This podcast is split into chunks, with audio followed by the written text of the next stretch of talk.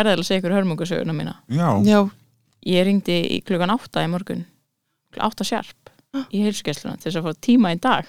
Ég til þess að fá, út af auðan já, til þess að fá augdrópa til þess að lagast. Til þess að fá sína á sunnudaginn. Já, þarna heitur ykkur Já, hjarta já. og alls saman þig en þessi síning verður má ekki kanslast Nei, Klöður má ekki klöðra Gengi og þessu tíma Já, sko Fyrst sá hún, ok, það ringir í hjúkunarfræðingur og ég var eitthvað, ok, en ég þarf lif. Hún eitthvað, já, hún getur sá okkur hvort þið er að koma eða fyrir síma tíma og lækni. Ég eitthvað, mm, ok. Svo ringir ég mig hjúkunarfræðingur og ég býð og býð þannig að til hádegis, þá ringir hún í mig. Og hún er eitthvað, já, ok, heyrðu, ég ætla að fá hennar lækni til að ringi þig. Og hann er ekki búin að ringja. Ó, Klukkan orðin sex. já Það er búin að loka. Kannski verður bara be- viðtali bytni Nei, ekki nema hann hann sé maður sem ringir heimann frá Heimann frá. Læknir sem ringir heimann frá Býtu nú við. Sem er með frestunar átt þessi læknir. Já. Býðhungdur er komin heim til sín. Það er eitthvað búin að fá huglega eitthvað og gera kvíða eitthvað. og þá þóra hann að ringja Já. þess að ringja hann og segja ég konan hans með töskunar Já. í hérna andirinu bara ef þú ringir þetta símtal Sigfús þá fer ég fyrir á þér en það mitt frekar hringja simtölu heldur en að borða mat með henni Já, það er Já. leðilega ógislega Hún er til aðleiður þessi kona Aðalegur. Já. Hann greitur hún Ég aðalegur. veit það ekki er Kom- aðeins hefur maðurlega kvallað allamala Já, hún er ógeðslega leðilega þessi kona Ok, Ógeðslega ég leðilega skil núna af hverju þessi læknir ringdi ekki. ég skil að fullkomlega. Æj, æj, æj. Pælið að vera að heita eða hvað vera að kalla þér allamalla Er það ekki alltaf eitthvað sem maður Allamalla, segir þegar eitthvað svona er eitthvað, Allamalla. eitthvað svona sæðilegt Alla malla. Jú, eða eitthvað svona Allamalla óbúsí. Misti pitsun í. Já. Fyrir um það bil 25 árum, pluss mínus upp og niður nokkur ár til og frá, fættust tvær litlar stelpur á landspítalanum í Reykjavík sem eru nú sestar hér fyrir framann tvo litla mikrofóna sem senda rattir þeirra á vangaveltur rakleiðis í sætu litlu eirun þín, kæri homo sapiens. Þær eru sestar hér, þessar litlu eða stóru stelpur, til þess að velta fyrir sér menningu, hugarstarfi og hegðun homo sapiens, fullorðins fólks, breyskra manna, klókra kvenna og þær vilja skilja af hverju. Af hverju fólk gerir það sem það gerir.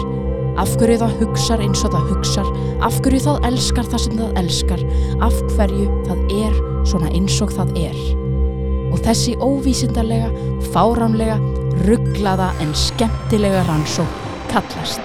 Þetta fullorna fólk er svo skrítið.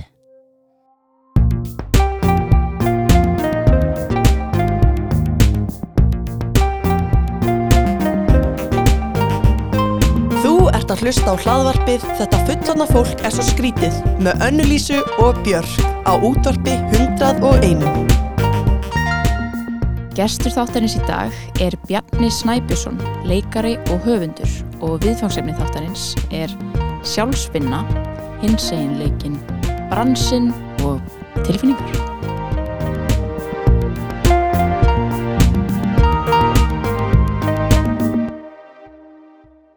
Velkomin til okkar. Bjarni Snæbjörnsson. Takk fyrir Það er svo gott að hafa þig inni Já, Takk fyrir, mjög, mjög gott að vera hér inni Já, gott. það fylltist bara svona ljósið og komst inn.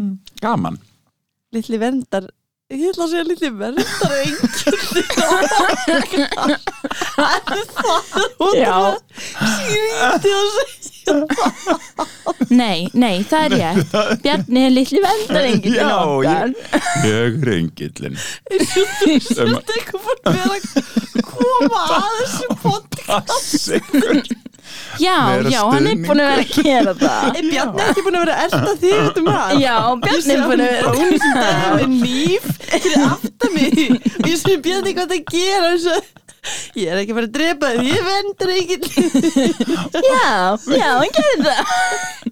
og ég vá, þú fyrst mjög á dimman stað með þetta Björn Já, mjög, mjög Ég fljótt var nú bara að hugsa um að ég hefði kannski verið að hjálpa ykkur í markasetningu Nei, nei, nei, nei, nei, nei, Nei, nei, nei, nei nei, nei, nei. Ég var bara með nýf að Já. bak við þig í bónus Allar stinga mig. Nei, ég ætlaði að vernda Já, rétt. Ef einhver ætlaði að stinga þig Þá er ég tilbúin. Já, ég er, mjög minn. gaman að vera komin Við erum búin að reyna ofbóðslega lengi að hittast Já, Alveg sjö sinnum. Ég held það sko, Já. alveg síðan í júli eða eitthvað Já. já, Og nú tókst það nú tókst það loksins Já, Getum við, við erum að leiðast í ring. Já. Eða, býðu, Annalísa Bjarnar Já. að tegja sig. já, Það er svo gott leið já þetta er mjög gott leið. Uxíkingin. Og- Ég og- var búin að Já, Afsakið Ég sem er ég ekki búin þetta að- fram. Kannski ekki eitthvað? gaman. mhm, já um, Nú bara rottnar hendina mér af Sprittum. Sprittum. Þetta fór úr kynningunni Þetta fór úr, ó, þetta fór úr gett venjulegri kynningu yfir í mig að segja að þú verður vernd, villi verndarengill okkar og svo fórum við bara út í eitthvað við komin í spritið sko Já. Þá er þetta búið sko er búið Nei, heyrðu, hva- já, af hverju ertu hérna í dag? Við erum meðal að tala um það sko. Já, já, ég, mér langar nú eiginlega bara að spyrja ykkur að því. Já, sko, Björk, hvað finnst þér? sko Nú er, ég og Bjarni hefum þekst mjög lengi. Mhm, og ég myndi segja að okkar samband, samband oh my god, hjálpa mér. Okkar samband uh, sé svona mjög heiðarlegt opið mhm. uh, tenging ástartenging uh, og gleði og gaman. Ó, já, og Annalísa og ég um þannig samband líka. Mm. og nú erum við að tengjast öll saman. Ok. Mhm. og Beautiful. Beautiful. Beautiful. beautiful. Og hérna, okkur langaði bara ótrúlega mikið að ræða við þig um svona sjálfsvinnu og einhver svona þannig pælingar og Einmitt. kannski eitthvað svona það sem tengist góðan daginn fagga Mhm. eitthvað Mhm. hvernig svo vinna var af því það náttúrulega var rosa mikið svona hlýtur að vera therapeutic Mhm. Það var ferli það, það var það Já, og áður en kannski fyrir mig það þá langar mér bara að segja það að þið varst að segja með okkar tengingu sem við erum búin að eiga mjög lengi Ég held við höfum örgulega þekst tíu ári gegnum improv Já. Það er rosa langu tími Mhm. og við erum búin að gera svo mikið gaman saman Já. og ég er með svona ógsta sterka mynd af okkur hlaupandi upp eitthvað avenue í New York í grænlendi rigningu, öskur syngjandi Já, í eitthvað party, mannst eftir já, þessu ég man eftir þessu. Það var ógeðslega gaman. Vá, ég var alltaf ógeðslega full. Ég líka. Og svo fyndi sko, þegar við fórum til New York í þess að spuna hérna, fjesta Já. eða festival. Uh -huh. þá var ég á mjög meðvirkum stað af því ég var bara, hvað, 21 ás Já, ótrúlega já, já. lilli. Og ég var svo, það var, hópurinn skiptist í tvent það var sko morgunhópurinn Mhm. og svo var kvöld jamhópurinn Mhm. Og ég vildi ekki missa af neinu. Ó nei. Þannig það sem ég gerði var að vakna ógeðslega snemma með morgunfólkinu. Einmitt. og fór þetta að hlaupa með fór okkur. að hlaupa og eitthvað og bara vera alveg óð. Mhm. alveg brjáluð sko. Bara í gleði og gaman eða þú veist. Bara orku. Og svo um kvöldi þá vorum við alltaf að fara að spunasýningar sem voru kannski mjög seint þú veist. Uh og þá fór morgunfólki heim og ég var áfram kannski til 12 og svo 1 um kvöldið svo bara djam og svo jam og ég var alltaf að sopna á þessum, á þessum nætur improv-sýningum í alvörnu og bara man ekki eftir þeim og þegar ég var bara my. alveg og svo vaknaði ég alltaf eftir næsta dag og fór út og fór þetta hlaup, baði morgunofnum og þetta gat maður þegar maður 21 Já, Já, ha, ég var alveg tjúluð. En krassaður ekki eftir þessu ferði? Jú, bara gí- gíkantíst og bara í miðri ferð Þú veist, ég fór eitthvað að gráta og svo vaknaði ég með morgunhöfnum fór út að hlaupa og það var það búið. Oh my god. Oh, En pælið í þessu að vera svona bara svona að vera á þeim stað að finnast maður alltaf vera að missa af en maður gerir ekki allt. Einmitt, og líka sko að vil ekki bregðast neinum. Svona, ég vil ekki bregðast morgunhófnum hófnum mínum sem fyrir út að hlaupa. Þú ber náttúrulega ábyrð á Já, honum. það væri öllum drull sko. öllum drull. Bara geggja að hafa það með. Já, og bara vilt sofa, geggja fyrir þig. Já, emmitt 100% emmitt alveg sko. Já, já, einmitt. Og svo uh, hætti ég improv. Ertu nýhættur í ég er improv? nýhættur í improv. Shit. Já, það er, ég hérna, já, það var mjög sorglegt. Og þetta var bara einhvern veginn, æ, það búið mikið annað í gangi og mikið að gerast í lífinu mínu og, og stundum eru bara bógar búnir eða þú veist, svona, maður tekur svona, svona tímabil í lífinu með alls konar maður getur hugsað um svona regnbóa svona Vá. byrja að taka flug og svo eru mislangir og misstuttir og svo bara var ég er búin að vera þú veist, alltaf að sækja um og þú veist, alltaf komist að allavega inn í söngleikjahóp mm. og hérna því maður fyrir alltaf í pröfur til að fara í improv, líka þess sem er búin að vera lengi og hérna, og síðustu ári er búin að vera eitthvað, já, ég sækja bara um, það skiptir ekki máli og ég fæ alltaf að vera með áfram. Og ég er bara ah, ok, gaman. Og svo einhvern veginn hef ég aldrei tíma. Og mér langar svo að hafa tíma. Mm. talandi um meðvirknina líka, maður svo meðvirkur mm -hmm. sjálfum sér bara, og ég vil ekki missa þessu, þetta er svo gaman og það er svona nostalgía í þessu líka. Já. við hefum átt svo geggjað stundir og það er búið svo fallegt, svo lengi. Og það kendi mér svo mikið bara sem listamæður og opnaði bara svona nýja vitt inn í mig sem leikara, finnst mér sem að, og bara eitthvað svona púst sem ég vissi ekki að ég þurfti fyrir en að ég fann það í spununum sko. Og, og þetta var alveg bara svona ógstlega erfitt að ég bara þurfti bara að horfast í augu við það að ég hef ekki tíma og það dregur bara hópin niður og mig líka og ég fæ bara ekki samvinskupið, ég verð að mæta bara eina æfingu að tvær og önn og geta bara sínt einu sinni mm. menn allir eru bara fullu. Og ég var bara eitthvað æ, ég hef bara horfa, horfast í augu við starendir og þetta er bara þessum ringar lokið. Þessum bóga er lokið í bili. Mm. Vá, og hérna og það var bara, já, og svo bara fór ég að gráta. Þegar Já. ég skrifaði í hópnum status á grúppun okkar og bara Mm. og það var bara svona sorgaferli sem ég fór í.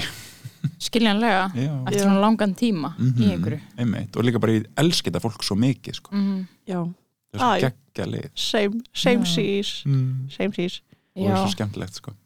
svo hu- hugrækt líka þú veist það þarf mikið til að taka þetta skref eða þú veist, já, að bara svona ok, nú verð ég bara að taka sákurinn Mhm. einmitt og bara treysta flæðinu sem er núna í gangi mm -hmm. að það er eitthvað annað að gerast og ég finna bara og ég það bara þótt að sé pínu kviðvaldandi að því að þú veist ég er ekkert með einhverjar fasta tekjur þú veist ég er bara sjálfstæður listamæður og, og hérna alls konar svona og maður er eitthvað og bara þarf að búið sér til verkefni og gera og gera og gera en það er bara eitthvað svona, það kemur bara eitthvað.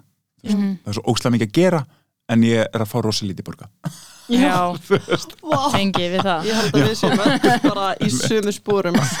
Ég bara, maður er að vinna svo mikið að einhverju þú veist, og stundum en maður er eitthvað svona þarf maður aðeins að stoppa og vera eitthvað ok hvað, hvað er hér veist, af hverju er ég ennþá að gera þetta Akkurat. ég er ekki Já. laun, eitthvað svona Já. og ef maður finnur ekki vægið Einmitt, þá þarf maður bara að tala um það 100% og ef að vægið kemur aftur þá er það geggjað en Mhm. ef ekki þá verður maður bara að sleppa takinu sko. algjörlega, Mhm. algjörlega. sko. og þetta er alveg bara svona minn líður eins og þetta sé eitthvað svona, svona, svona stór hlutur af mér því ég er með ykkur alveg og hefur verið að díla við það lengi og að einhvern veginn svona vera ekki meðvirkur gagvart verkefnum eða hópum sem er í eða vinnu eða eitthvað svo leis að bara, að þetta er eitthvað svona stjórnsemi sem er náttúrulega bara meðvirkni að þú veist að að þessi hópur eða þessi vinna bara mun ekki fungera án mín eða eitthvað svona, að halda Mhm. maður sé ómissandi Mhm, en þau verða allt í læg sko. það verður allt Já. í læg með alla mhm, og þú veist, og ég það bara hugsa um mig fyrst sko,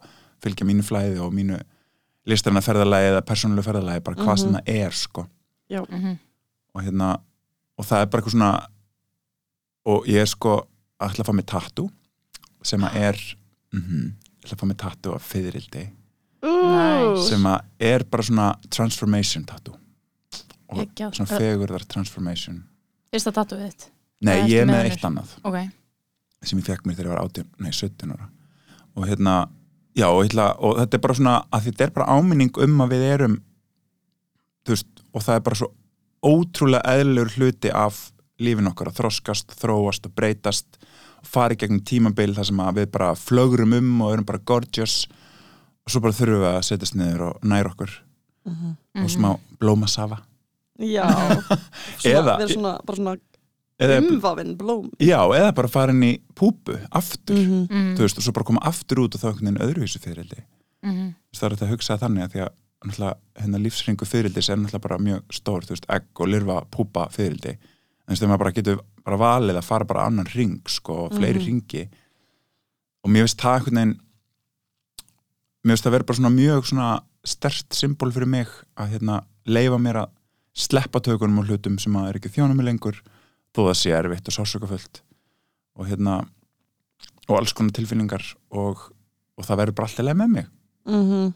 Og þú veist, og það er bara annað í gangi núna og maður er að gera alls konar og fakka verkefni, góðan daginn fakka verkefni er að fara bara vonandi á starra flug erlendis Wow. Ok. Mhm. En gaman já, nefnilega Spennandi við erum ekki með neitt í hendi en við erum bara að vinna harta því að bara hitta fólk úti, við vorum úti í Montreal og svona stóri sviðslista messu, get ég sagt eða að heiti frekar en hátíð, að það voru alveg jú sýningar og svona í gangi en þetta var aðalega svona tengilega ráðstefna Mhm. þar sem að kynntist fullt af fólki og við pitsuðum verkinu og við hittum bara fullt af svona stjórnundum listræðna hátíða og Næs. svona touring managers þú veist, í, frá Breitlandi, Ástralíu, Kanada, Ameríku fólk svona sem að bara sér um að túra með svona sýningar Já.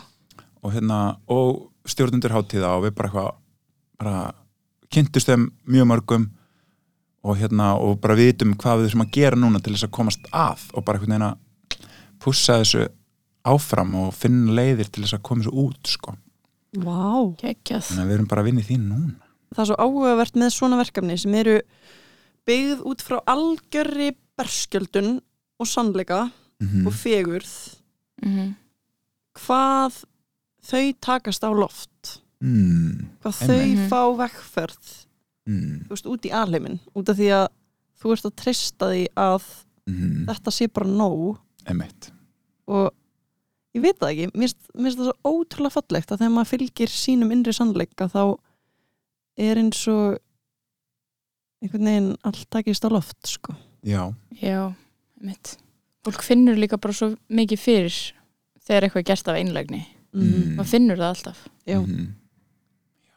og það er og mér finnst sko og ég hef alveg vitað lengi að sko berskjöldin er besta leiðin í öllu, Mhm. Þú veist, ekki bara í listinni heldur bara í lífinu og vinnunni og veist og, þetta, og það er alveg ógeðslega erfitt að Mhm. lifa þar að þegar maður er svo berskjaldaður og maður er svo brotættur og það er alls konar tilfinningar og maður þarf bara að kunna að lifa með þeim í gegnum allt saman en, og þú veist að ég er alveg tók alveg svona tímabil þar sem ég bara svona sökti mér honni í sko Brunei Brown hérna, elskana, elskana sko. Elskana. Ef þið hafið ekki allavega hort á TED fyrirlesturnunar oh my god sko Eh, um, um vulnerability, um berskjaldun þá er það bara life changing og ég las allar bækunar hennar og hlustaði líka á þær og eitthvað svona. Og, og þetta er bara svo ókslega rétt sem að hún predikar bara eitthvað að berskjaldun bara er bara besta leiðin og að viðurkenna vannmátt sinn þú veist, og, og þú veist, þetta er ekkit eitthvað ný, nýtt skiluru þetta er bara, hún bara setur þetta upp í svo skiljanlegt tungumál. Mm og hérna, og kemur svo góð dæmi og maður, skil, ég skila út frá mínu lífi hvernig maður getur gert þetta Mhm. svona sko. -hmm. og, og það var bara fókusin með þessa sýningu. Bara eitthvað, og það var alveg ógæðslega erfitt að vera svona berskjaldadur, oh my god sko. Ég var alveg að bugast sko tímabili, það var alveg þetta var allt, allt og ég ætla ekki að segja of mikið en stundum var þetta við það verða of mikið sko. Mhm. en, en sem betur fyrir var ég með alveg magnað fólk í kringum mig. Hérna Greta Kristín Ómarsdóttir, Axel Ingi Átnarsson Hjalti Mhm. Vigfússon, Cameron Corbett hérna voru svona næsta teimið svona síðustu síðustu mánuðin eða tvo og þau bara heldur svo fallega utan um mig og að þetta er bara mín saga og maður er einhvern veginn að skila skömminni bara ég er að því í þessu Mhm. og skömminni sem að mér var gefin sem var aldrei mín og sem að enginn einhvern veginn einn gaf mér heldur þess sem er bara Nei. og þetta er bara ekkit og það er svo áhugavert að við, við, ég veit alveg við erum öll með einhverja skömm um eitthvað Mhm. það- pæliði í heiminum eða væri engin svona skömm sem okkur er gefin Mhm. Mhm. pæliði í hann ef við bara hugsa með þessum útopíuna sko.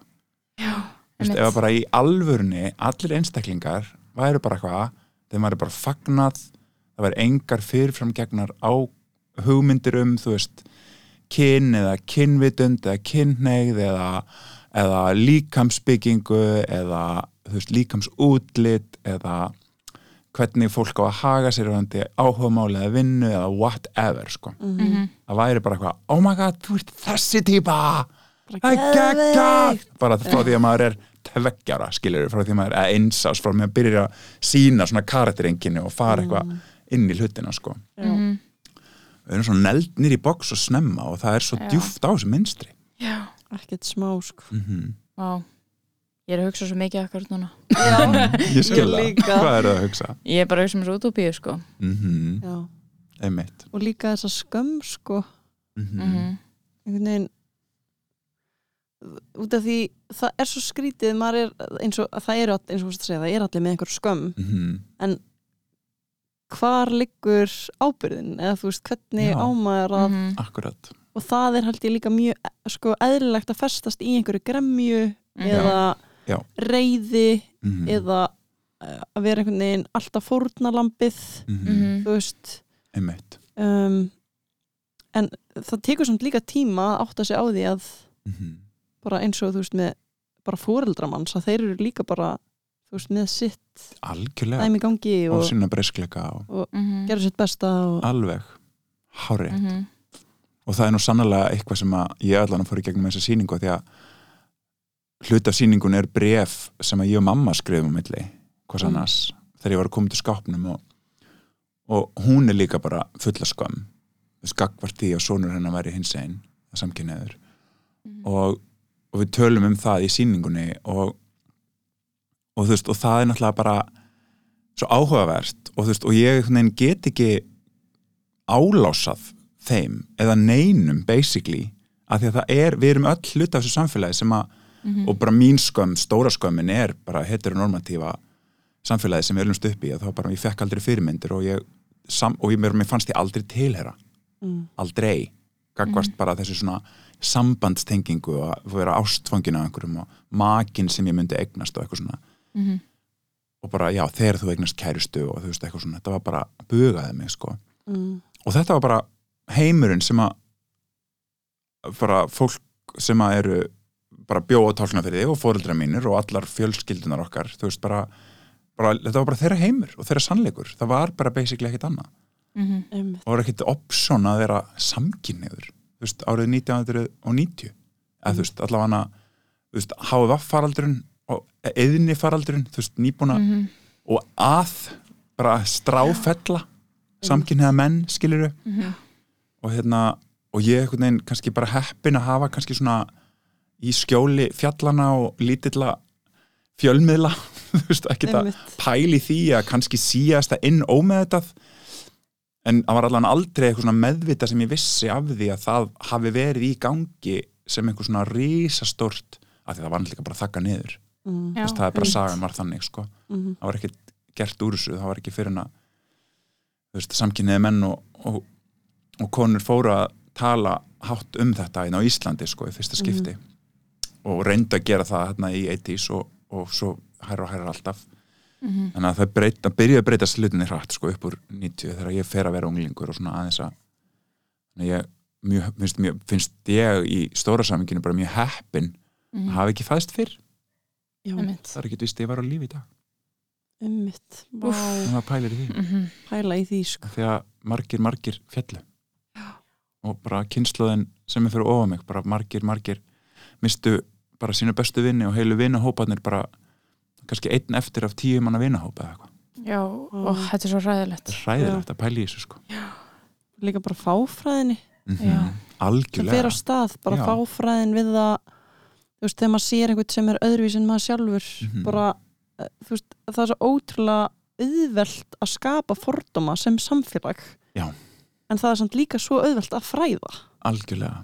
Þannig bara, þú veist, það sem þú Mhm. ert að gera með þessum eh, söngleik með því að segja þína sögu. Mm ég held að allir geti að bara öll geti speikla sig á einhvern hátt. Mhm. já, í þessari sýningu, ég há grét og hló og þú veist út af því það er bara einhver, einhver eh, mjög djúpur sannleikskjarni í þessari sýningu. Já, takk fyrir takk fyrir að segja mm. og þetta er bara finnst mér núna að vera eitthvað svona lífsköllin mín bara eitthvað svona sannleikur Mm.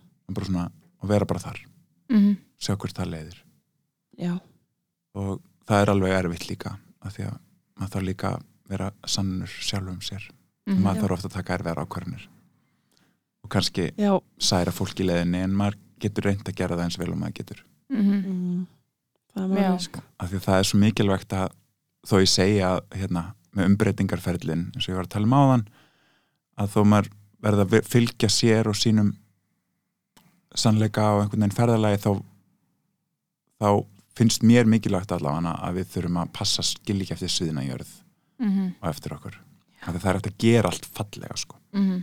það er hægt að hætta falli í vinnunni eða hætta falli í sambandinu og Mhm. bara eins og maður virkilega getur bara vanda Mhm. sig á hverjum degi sko. Og það er bara ókslega erfitt já, Mhm. af því maður vill bara sópa þessu undir teppi og bara fara já, og bara svona la la la þú veist, já, Mhm. loka augum og eyrum og bara, nú er þetta bara búið og ég ætla bara ekki að pæli þessu meir en, en ég held að heilunin sé miklu meiri maður tekur þetta bara út strax og reynir bara að vera heðalegur Mhm. og berskjaldagur og, og þá er maður bara búið með það. Já. Já, fyrr, það kemur alltaf aftan að manni sko. Mhm.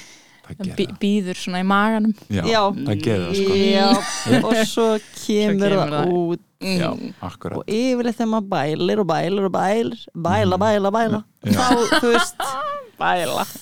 þá kemur þetta mitt upp já, sem kannski eitthvað nú ætla ég ekki að segja ljótt en sprengja. uh, þá byrjar dæmis. kannski að, veist, að flýja með því að kenna öðrum um Mhm. eða dæmis vera reyður út í þennan og þennan Mhm. eða veist, þetta var allt þeim að kenna í staðan fyrir að horfa inn á við og Mhm. sjá hvað þú gerði vittlust eða ekki Já. vittlust, heldur bara Hvað hvað gast þú gerst, Já. gert til þess að breyta akkurat Já, sem tengist því sem þú varst að segja áðan með hvar líkur ábyrðin mm þegar maður er orðin fullorðin Mhm. þá verður maður bara að taka þessa ábyrð sjálfur já, einmitt. að vinna í sjálfum sér -hmm.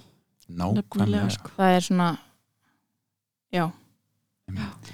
það er svo áhugavert hvað það er svona bæði þú veist, það er á einhvern nátt samt frelsandi að koma staði ó já, Mm þó Það að það, valdeflandi. hljómi já, Mhm. þó að hljómi kannski ekki þannig út af allt í einu þá ert þú þá að taka þessa ábyrð Mhm, það er samt bara um leið og, bara, um leið og fólk svona eða, ég get bara að tala út frá sjálfum mér um Mhm. leið og ég bara sætti mig við það -hmm. þá var það allt miklu auðveldara akkurat Já, einmitt, ef maður er alltaf að kenna einhverjum öðrum um Já, eða, einmitt. þú veist, einmitt, þetta var svo af þessi gerð þetta, lala þá, þú fer aldrei neitt út úr því. Nei, getur Nei. aldrei fengið svör frá öllum þú veist. nei. Og þá ertu bara fastur í þessum ring og þessum minstri mm og það er Nei. ekki heldur að stjórna fólki til þess að segja fyrir gefðu. Nei, mm -mm.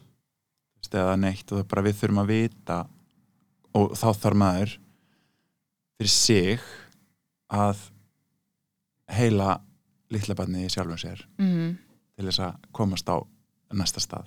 -hmm. Já, eða halda áfram bara með lífið sko. Mm einmitt. Og reyna að hafa gaman að því að þú veist og svo er þetta bara hluta manni og maður er bara með fallegt öður og, mm -hmm. og það er bara líka gjöf að lokum sko -hmm. ef maður næri að vinna úr því.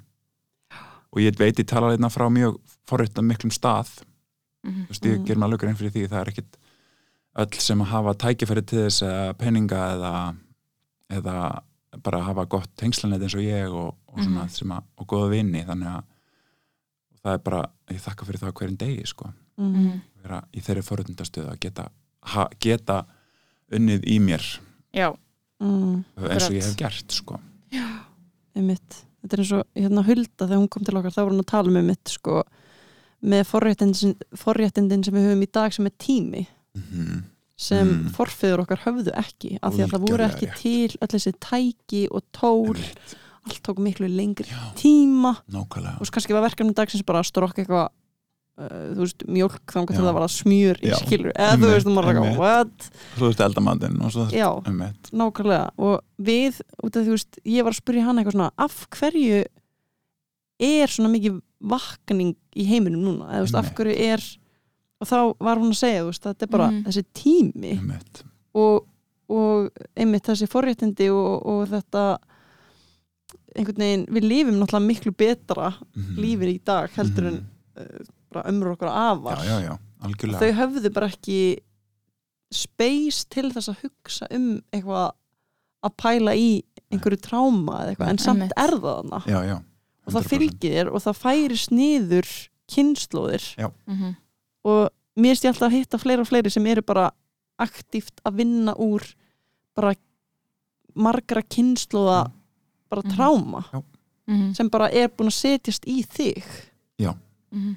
tengi sem er bara og, og ekki bara sko ættingjar upp leggina heldur líka bara ég fer oft í bara hinsegin fólkið Mhm. sem Já. ég stend á Mhm. öxlunum á sko. Mhm. Mhm. bara allar sögurnar sem eru ósæðar allir ógeðslega miklu sársökin og eimdin og Já. ömur, ömurðin sem að hinsegin fólki gegnum söguna í heiminum hefur þurft að díla við Mhm.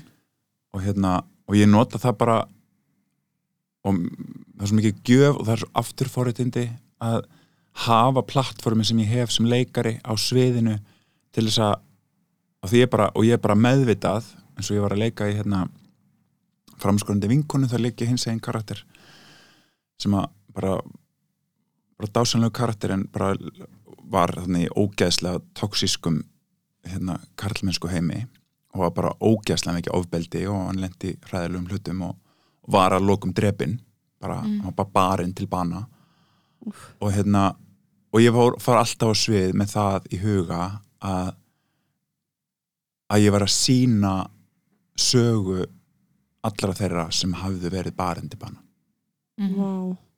það var bara, hérna fáið þið pláss og ég bara fór alltaf í hugleiti bara rétt að henni fór svið og bara le leif- leiði þeim bara koma í gegnum mig Mhm. bara, Mhm. bara öll sem eru þarna bara fyndi ég er alveg að fara í bara svona tilfinninga Mhm. hérna rúst bara við að rifja þetta upp að því ég gerði Mhm. alltaf bara náði í þau og leiði þeim að koma sem vildu og bara leiði þeim að fá plássið til að segja söguna sína Mhm. til að sína sig og sásugan sinn og hvað þetta var ógæðslegt hvernig það komið fram með þau. Mhm. og bara þau eru þarna ennþá og þú veist, Mm. og svo bara þegar þetta sena á búin þá bara þakka þeim fyrir og bara, og ég passaði, og stundum ég passaði að kveðja þau. Já, og hérna stundum glemdi ég því og þá var ég mjög lengi að sopna og svo fattaði ég hvað ég þurfti að gera. Og ég fekk bara svona ég fæði alltaf svona gæsað um allan líkamann því ég heyri eitthvað svona magnað eða svona mikla tengingu við eitthvað Mhm. æðra mhm, Já. einmitt. sem maður er að sækja í náttúrulega alltaf sem leikari þú Já. veist, þú þarft bara að tengja þig við einhverja, já, einhverja hellað orku og stundum tekstira, stundum nefnilega þetta tókst ekki alltaf stundum ekki Mhm. en Akkurat. því oftar sem maður treystir flæðinu Já. því oftar nær maður einmitt að Mhm. tengja sko. já, Já. Þetta minnir mig líka á Berglindi miðil sem hún var inn um daginn sko. Já. Hún var einmitt að tala um svona. Mm, hvað sagði hún? Hún var að tala um bara alls konar veist, fólk sem kemur til hennar og þú veist, það kemur alls konar til hennar og hún var bara að tala um veist, já, miðilshæfileikan já, og að við gætum öll í rauninni gætum öll þróaðan með okkur ef við bara vildum. Já, einmitt, mm. og þá lét með mig hugsa um svona og við vorum að tala svolítið um það um listir og einmitt. veist hvað fólk er náttúrulega bara mistengt og misspiritual og þú veist já, þessi næmni já, sem akkurat, aftrar manni líka mjög mikið en maður kann ekki að já, setja mörg og lók, ef þú veist út að maður Gildin, sko. sogar í sig Já. tilfinningarnar Já. og bara þú veist, bara, ég finn bara ef ég set hlýna mannesku sem líður illa í flugvél mhm, samt er hún ekki búin að segja orð við mig. Mhm, að ég bara svona þú veist, það sogast bara í mig orkan, maður Já. þarf bara virkilega bara ok, mhm, já, hér er þessi manneskja já. Mhm. ég ber ekki ábyrð á henni nákvæmlega, hérna, ég ætla, ekki, ég ætla samt ekki að vera eitthvað vond við hana en Nei, ég ber nei. ekki ábyrð á því að látinni líða vel allt flugið akkurat þú veist, hárétt, eins og maður var kannski vanur að gera þegar maður var Mhm. lítill já, já, einmitt, einmitt, Mhm. einmitt. reyna að setja upp skjöldin einhvern veginn Mhm, Mhm. Já, einmitt en líka sko þetta með að lifa í berskjöldun Mhm. það er veist, að taka alltaf erfiðu samtölin já, oftar Mhm. en vá hvað af, það, það er alltaf jafn erfitt samt. alltaf jafn erfitt en það er sko ég, mér finnst að verða aðeins auðvöldari hver skipti Ok. það er alveg erfitt en það er alltaf svona pínulítið bara að þú veist, ég allavega svona finna ég svona vald valdefli sem mjög stórt orð en ég verði svona aðeins örugari í því að treysta þú veist þetta er aftur með berskjaldinina eins og þú veist að segja. Þú veist, hérna, að þetta er með berskjaldandi að fara inn í erfitt samtal og maður veit að það er kannski eitthvað eitthvað ósagt við vin eða maka eða, svona, eða maður er eitthvað svona böglast með eitthvað. Maður þarf bara svona, mér leiði í alvörunni þegar ég var að byrja meðvita að taka þetta skref. Mér leiði í alvörunni eins og ég var að stíga fram af látrabjargi já, ég var að fara að hrapa til bana. Mhm. bara, bara að taka eitt lítið hænuskref Mhm. og ég, ég, ég setti bara svona mynd upp í hugan á mér. Ég sé þú tengi. Eitthvað. Hvað er akkurat, einmitt. Og ég var bara stundum bara eitthvað svona nei, þetta verður safe. Og ég fann alveg bara nei, byrju, nú er ég bara standi í stað en ég stend bara hérna á gólfinu ég er ekki að fara að falla fyrir björg þótt ég segi þetta sem að er bara eitthvað svona mér fannst óþægilegt þegar þú eða eitthvað svona, já, Mm. bara ógeðslega lítið. Já, ég er ekki að fara að deyja. Þú veist, þetta er besti vinnu minn sem ég er að fara að tala við. Hann er, elska mig. Þú veist, og það er, og, og ef hann verður reyður og þá bara kann ég að mæta því. Mhm. þannig ég þarf alveg að taka sér svona og bara eitthvað segja, segja þetta og svo bara eitthvað um leið og það er bara eitthvað, nú, hvernig þá eða þú veist, þá bara eitthvað oh, skilur við, já, já, Já, þú veist, ég er ekkert að segja þetta er alltaf þannig, við erum bara já. En bara að æfa sig í þessu hænu skrefi fram fyrir björgin Mhm. vitandi að maður stendur hérna á steipugólfi Þú veist, það er Einmitt. ekkert Nei, mitt, það er ekkert að fara að gerast hérna líkamlega fyrir mig, koma fyrir mig. Mitt þannig að mér fannst ég læra óslega mikið af því að, að bara æfa mig, ég æfði mig bara með þetta þegar ég fann bara hvað, nú þarf ég að segja eitthvað.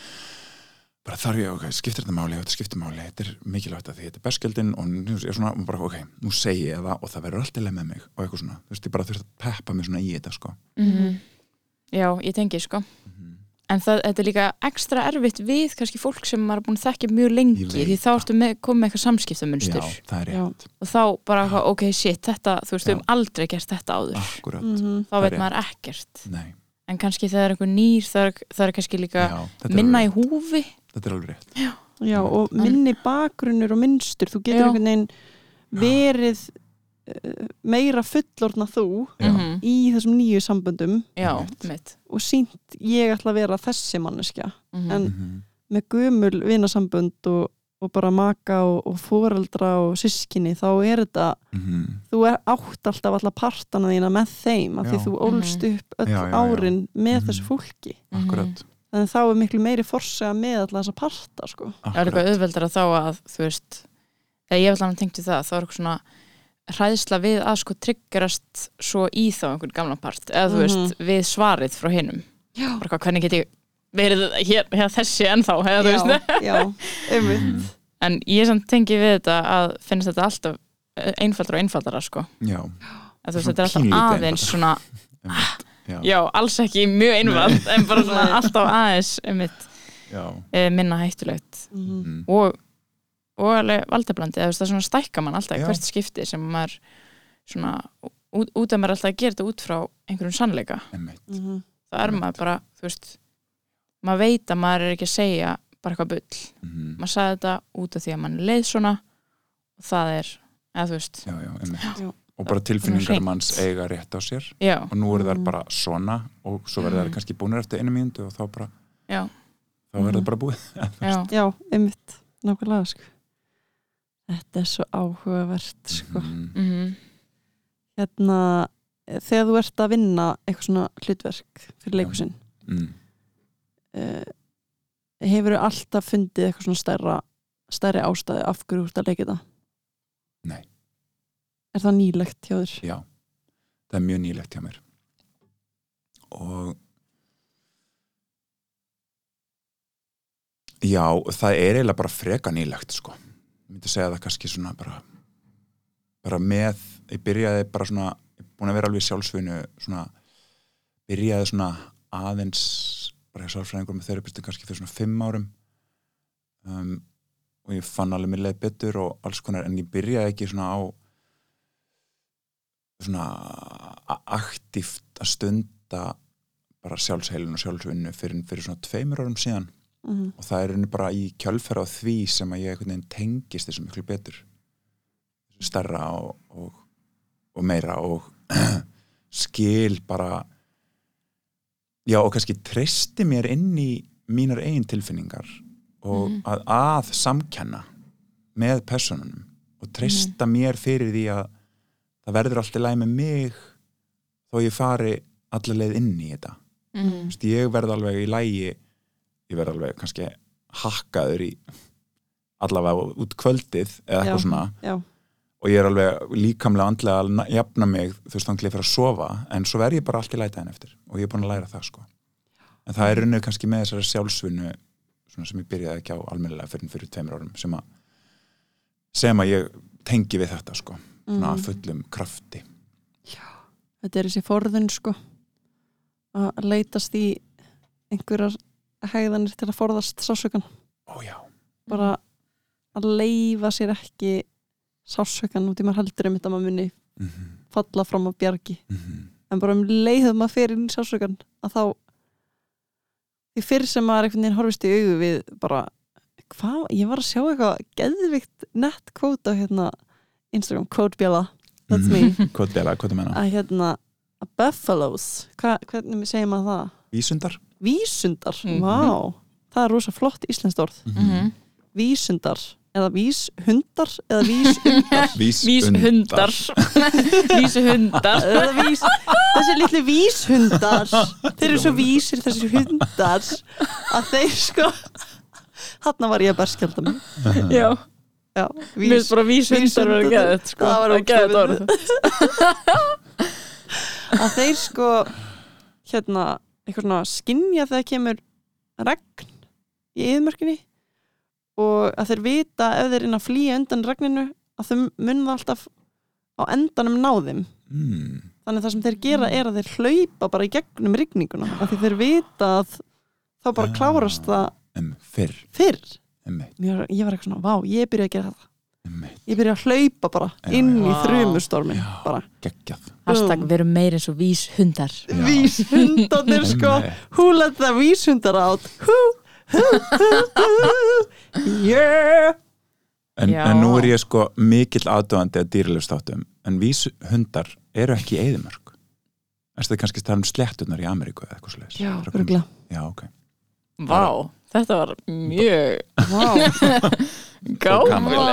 eitthvað. Þeir eru ekki yðmörk gáðar þessi maður. Já, ég er bara Já. þarf aðeins að mannsplina hennar Já, það er ekki ég mætti hendina þess hérna ég samþekki þetta mennsplin ég samþekki það. Ég vitni. að því ég elska á David Attenborough og það er bara svona gott lögutaskvöldu mér er að horfa á einhver svona heimild á þetta en pældi ég að þú er ekki sagt mér þetta? Mm. þá er ég kannski að segja öllum aftur og aftur Já, þessu já. sögu og allir að hugsa Já, mm, en vís hundar eru ekki í yfirmörk þannig þannig að you saved me a lot of trouble my friends Gott, gott, gott. Minnst það bara svo áhört Þetta er mjög, Já. en þetta er bara það sem við þurfum að gera. Mhm. og þetta er ógæslega erfitt. Já. og eina leiðin er í gegn. Eina leiðin er í gegn sko. Mhm. Þegar maður kemst í gegnum þrjumaskín þá er alltaf sól sko. Já, einmitt. Boom sólin er alltaf annars sko. og stundum hugsa Já. maður bara eitthvað hvað er ég búin að koma mér Mhm. af hverju er ég að gera mér þetta aftur og, Og aftur, aftur. og aftur? Já. Líka sko, ó, ég er með sko karakterenginni frá báðan fóreldra mínum, pappið minn er svona hann er erfitt með breytingar og mamma er bara algjör svona hún er alltaf einhvern veginn að fara út í óvísuna eða svona einhvern veginn. Þannig ég er alltaf einhvern veginn að leita leiða til þess að gera eitthvað út fyrir bóksi til þess að stækka mig. Mm. en verð síðan alltaf þykkin hrætt sko. Er bara, Vá, ég tengi svo vá mikið hvað mér langar að hætta við allt, já, já. ég kann ekki neitt. Af hverju er ég að þessu? Svo Mm. alltaf því ég er búin að gera þetta. Það Mhm. bregst ekki, jú kannski nokkur sem hef ég verið eitthvað, ups, æ Ekki, ég hef ekki fallið niður línuritið ég er bara svona eins og eins og ekkert engin hérstatur, bara svona bíp. Já, ok, ok. en sko, má þetta var kannski ekki góða myndlíking af því það var bara eins og ég verið dáin. En bara, þú veist, maður fer yfirleitt alltaf upp sko, já, eftir af að því maður að stækja sig. Nei, og það er líka bara við lærum alltaf eitthvað. Mm af öllu Mhm. sem við tökum okkur fyrir hendur við getum valið það sko Já, það er nefnilega svo mikilvægt að velja það sko. Já. Já. að bara, ok, hvað átti ég að læra hér alveg og líka ofta af hegðun annara ég er svolítið að vinna með það núna Ú. bara eitthvað svona, Veitu hvernig þá? bara kannski ef að ef ég finn eitthvað svona, ú, þetta var eitthvað skrítin samskipti kannski Mm. var eitthvað svona æ, eða þú veist hvernig get ég sagt það án þess að hljóma eins og ég sé að dissa einhvern annan ég er alls ekki að gera það en ef ég kannski hitt einhvern sem er að láta einhvern veginn öðruvísan hann gerir vanalega eða eitthvað Mm. þá kannski, þú veist, þá fyrir líka svona svolítið að hugsa, hvað, já, það geti verið þessar aðstæður, þá get ég lært af þú veist, því þegar ég er svona aðstæðum að Já. eitthvað svona, æ, ég kann ekki Mm. að útskýra Já, Ertu- ég held ég veit ekki. Ertu kannski að tala um, allavega það sem kemur upp í mér þegar Já. þú segir þetta, er að maður er búin að átta sig á því að allt sem að hinar mannskjarnir er að ganga gegnum hefur ekkert um hann sjálfan að gera já, þetta er alveg partur af Mm. því, sko Já. Já. þetta er partur af því en líka bara, emmitt emmitt, já, þetta er tengt því örglót að maður fattar þá, þú veist, hvað get ég gert þegar að, þú veist, ég tryggarast svona á einhver, Já. eða eitthvað, þú veist Akkurat, já, já, já, ég skil ég skil það er bara, já, þetta er bara eins já, Mhm. eins og að reyna að læra af einhverjum aðstæðum sem maður lendir í að líka læra af hvernig aðrir kannski díla við einhverja, aðstæður og manni finnst það ekki alveg virka. Maður er eitthvað byttu, þetta var kannski ekki alveg rétt. Nei, Mm. já, já, þetta já. virkaði kannski ekki alveg rétt hjá Nei, þessum, ég skil, ég skil. Hvað hann getið gert öðruvísi? Já, Eða, já, já. Mhm. og það er þú fyrir þig. Já. nú skil Já. ég, Á, í staðin fyrir að dæma manneskina fyrir Já, þú veist, að Já. hafa gert eitthvað vittlust akkurat. Mhm. Því við erum öll á okkar ferðalagi. Mm og það er, mér finnst það oft mjög erfitt að Já. stjórnast ekki öðrum á þeirra ferðalagi. -hmm. Jöp, það Já, er nefnilega málið sko. það er málið. stjórn sem að, meðurska stjórn sem að já, típan sem ég er sko. Mhm. já, svona þeim er áhrif ekki líka. Mm og líka vill bara, veist, ég veit hvað þú þarft að gera Já, til að líða betur. Já, já, einmitt, þú veist, maður bara eitthvað ég er hérna fyrir ráð hvað sem er, Mhm. mm einu sem ég getur sagt Mhm. eða bara að þú vilt spjall eða, Mhm. eða bara Mhm. tala um eitthvað þá er ég hér Já, en ég ætla ekki að segja neinum mhm. nema að ég sé beðin um það og það er bara svona stóri, ég gef ekki ráð sko. ég er einmitt Ég er- alltaf að passa mig að spurja bara viltu ráð akkurat, eða viltu pústa akkurat af því oft Mhm. vill fólk maður sér það líka fljótt Já. ef ég er svona óvart, ups, Já, gaf ráð og fólk Akkurat. fer í svona Já, du, du, du, þú veist, þá er maður eitthvað, já, Mm. æ fyrir ekki ég gaf þér ráð þarna, en ég heyra þér langar mm Mhm. bara tala um þetta því þú veist hver lausnin er Akkurat. en stundum þarf maður bara aðeins að fá að já, já, Mhm. þú veist, tala um það sko. mm alveg Mhm. og maður er ekkit, einmitt, og ég gef alveg stundum ráð óvart svo er ég bara eitthvað, oh, ég hef ekki að segja þetta þú veist, bara um leið, já, já, já, ummitt þá bara lærir maður því, mm Já. af því oft hjálpar það ekki neitt sko. nei og fólk veit kannski alveg hvað það þarf að gera. Já, og maður veit bara heldur ekki tala um maður veit ekki alla söguna heldur. Nei, þegar maður er að hlusta, það er kannski eitthvað alls konar aðrar forsendur sem að maður er ekkit meðvitaður um sko. já, Mhm. já, það er nefnilega málið sko. það var eitt sem að uh, út á þessu talmynda áðan að hérna þú varst að leika karakterinn og hérna fólki kom í gegnum þig mm og þú varst að tala um að byrja að gera þetta bara fyrir stuttu já. finnst þér þetta sko um, finnst þér samt finnst þér samt ennþá að vera leikbært? Eða þú veist, finnst þér það sagt, ekki trubla þig að vera að hugsa um eitthvað svona æðri tilgang heldur um bara eitthvað svona já, ásetning í þessum kringustæðum, skilur ú, góð tæknileg Já, leik, leiklistaspurning. Mhm. hún er sko leikstjóri. Það lítið er mjög gott, þetta er frábær spurning. Já, mér finnst það að því að öll grunnvinnan er til staðar. Já, þú veist, maður er búin að taka allt æfingaferlið og vinna ásetninguna og, og, og krakka senuna og kringumstæður með leikstjóra og hinnum leikurunum bara hvað er í gangi hérna, veist, hvernig líður öllum og hvað forsendur eru til staðar, hvernig líður karakterunum, hvað öllum hinnum karakterunum hvað heimur er þetta veist, alla þessar forsendur. Mhm, og hérna og svo þar maður bara þegar til kastaninn kemur að þegar maður er búin að vinna þessa vinnu og veit svona nokkuð þegar búin að mappa það þú veist, og, þetta er, og svo bara er það bara x vinna og svo þar maður hendinni bara mhm, þegar maður fer á svið af því að mhm, það er alltaf sannast í staðurinn. Emmitt og þar er sannasta rannsóknin. Mhm. og hérna og þá er svo ótrúlega gefand og gaman að pröfa bara þessar leiðir. Mhm, pröfa að bara bjóða fólki velkomið sem að þarf að láta segja sinna sögu.